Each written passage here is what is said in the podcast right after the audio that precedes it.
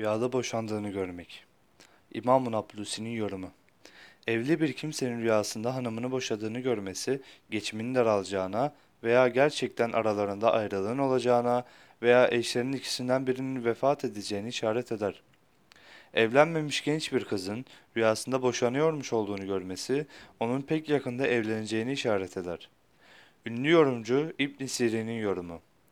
Rüyasında kendi karısının tek hanımını boşadığını görmek, rüya sahibi kişinin izzet ve şerefini, itibar ve saygınlığını kaybedeceğini işarettir.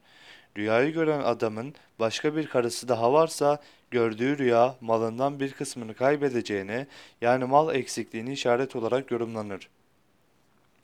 Rüyasında evli olmadığı halde yani bekar olduğu halde karısını boşadığını görmek rüya sahibi kişinin ecelinin yaklaşmış olduğuna pek yakında öleceğini işaret eder.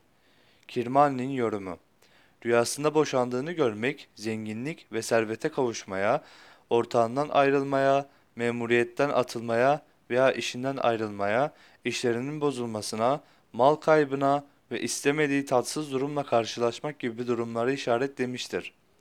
Rüyasında karısını bir ta- talakla boşadığını görmek, rüya sahibi kişi kendisi ya da hanımı hasta ise hasta olan kişinin şifa bulup iyileşeceğini işarettir.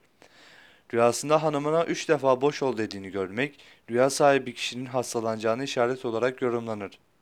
Ebu Said el-Vaiz'in yorumu. Rüyasında hanımını boşadığını görmek, rüya sahibi kişinin zengin olacağını işaret eder.